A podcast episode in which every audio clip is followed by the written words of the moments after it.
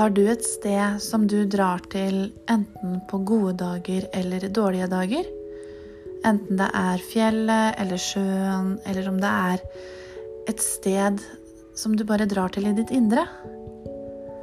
Jeg er veldig glad i sjøen. For jeg har vokst opp ved sjøen, og faren min han var hobbyfisker, så vi var mye på havet. Og det sitter jo i. Fremdeles bruker jeg sjøen mye. Og jeg tror at mange av oss har et sånt sted som vi søker til. Og det er til sjøen jeg søker når det stormer i livet. Men det er også til sjøen jeg søker når jeg trenger ro, eller hvis jeg vil feire noe. Sjøen kan ofte være et godt bilde på selve livet. Noen ganger så er det rolig. Noen ganger er det flatt hav. Andre ganger så stormer det. Det er lett å bli redd når det stormer, og man ønsker at det skal stoppe. Man mister kontrollen, og flere av oss liker jo det ganske dårlig, det å miste kontrollen. Jesus han var på havet sammen med disiplene sine, og så blåste det opp til storm. Og disiplene de ble redde. Jesus han sov, og de vekte Jesus, for de tenkte at han kunne gjøre noe med det. Og han våkna jo til slutt, og han stilte stormen. Og jeg kan tenke meg at disiplene ble ganske frustrerte når de prøvde febrilsk å få liv i Jesus. Og så våkner han, og så stiller han stormen, og så lurer han på hvorfor de er redde. Og akkurat det har jeg lurt litt på. For disiplene sier jo da, hva er dette for en? Både vind og sjø adlyder han. Men bare minutter eller sekunder før så hadde de jo prøvd å vekke ham fordi de ønska at han skulle hjelpe dem. Så de må jo ha visst hva han var i stand til.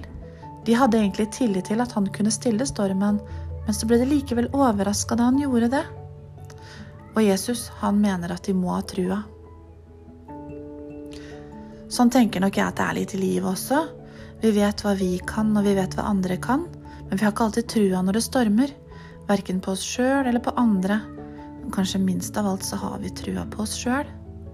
Men så, av og til, når det stormer som verst, så tar instinktet over, og så finner vi at vi at vi kan gjøre ting vi trodde vi ikke kunne klare. For at det stormer i livet til noen og enhver, det tror jeg at de aller fleste av oss har kjent på. Og selv om man er unge, selv om man er ungdommer, så tror jeg man vet hvordan det føles når det stormer. Når livet slamrer med dørene. Når ting føles håpløst. Når ting er vanskelig. Når man ikke finner noen løsning. Og når man kjenner at man eh, kanskje begynner å miste fotfestet til og med. Da trenger vi noe eller noen som kan hjelpe oss til å orke å gå videre og ikke miste motet. Vi trenger et ord på tre bokstaver. Det er et lite ord som rommer så uendelig mye. Og det er de tre bokstavene som danner ordet håp. Og håpet, det har et symbol. Det er et anker. Og tro, håp og kjærlighet, det er jo tett bundet sammen, det er også i symbolikken. Mange av oss kjenner kanskje til smykkene med tro, håp og kjærlighet på. Og da er det jo et hjerte, et kors og et anker. Og ankeret det minner oss om at vi trenger et ankerfeste til livet vårt utenfor oss sjøl. Og en sjømann, han eller hun, veit jo godt at et anker er til liten nytte hvis det bare ligger om bord i båten. Er det for så vidt til enda mindre nytte hvis det ligger igjen på land? Men da er man vel ingen god sjømann. Og mange sjømenn fra før i tida de hadde også et anker tatovert på kroppen, gjerne på overarmen. Og en sjømann veit at ankeret må festes til havets bunn for at ikke båten skal drive av gårde i storm og uvær. Og så må det være godt festa, og grunnlaget, det må være solid. På samme måte så trenger vi mennesker å ha et håp som er forankra i noe utenfor oss sjøl, når vi møter på stormer i vårt liv.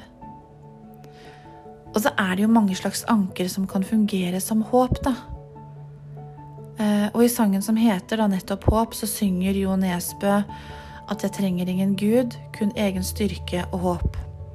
Og sånn tenker jo noen. Og så er det noen som tenker at så lenge man er sterk nok i seg sjøl, så lenge jeg er sterk, så trenger jeg ingen Gud. Jeg i meg selv er nok. Og så har jeg gjort en annen erfaring. Jeg har valgt å tro på en Gud som er mye større enn det jeg er, og som er sterkere og større enn min egen styrke. Og det betyr ikke at jeg ser på meg selv som svak. Ikke i det hele tatt. Det gir meg håp. Og grunnlaget, det er solid. Guds ord, troen på Jesus og vissheten om at han døde for meg. Og håpet om det evige liv. Og dette håpet, står det i Bibelen, er et trygt og fast anker for vår sjel. Og Derfor så har ankeret blitt det kristne symbolet for håp. Og Det er tatovert inn på en arm til en norsk sjømann. Og det er tatovert inn i sjela til oss som tror. Og så er det opp til deg og oss alle egentlig å vurdere hva slags håpsanker vi ønsker å ha for vår sjel. Så kan man jo ikke love gull og grønne skoger, selv om man kanskje skulle ønske det.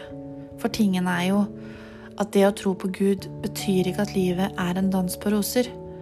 Det betyr ikke at man blir skåna fra livets harde realiteter og aldri opplever ting som er vrient. Det stormer for alle mennesker fra tid til annen. Og vi går på trynet, vi gjør feil. Og det at jeg er kristen, det betyr ikke at jeg, at jeg er feilfri. Selv om jeg kanskje liker å tro det. Men min erfaring det er at jeg kan kaste ut ankeret mitt. Og når det stormer, så vet jeg at jeg ikke er aleine. Jeg kommer ikke til å drive av sted. Jeg får tilgivelse for de feiltrinna jeg gjør, og det er en trygghet i det. Jeg får tilgivelse når jeg trenger det.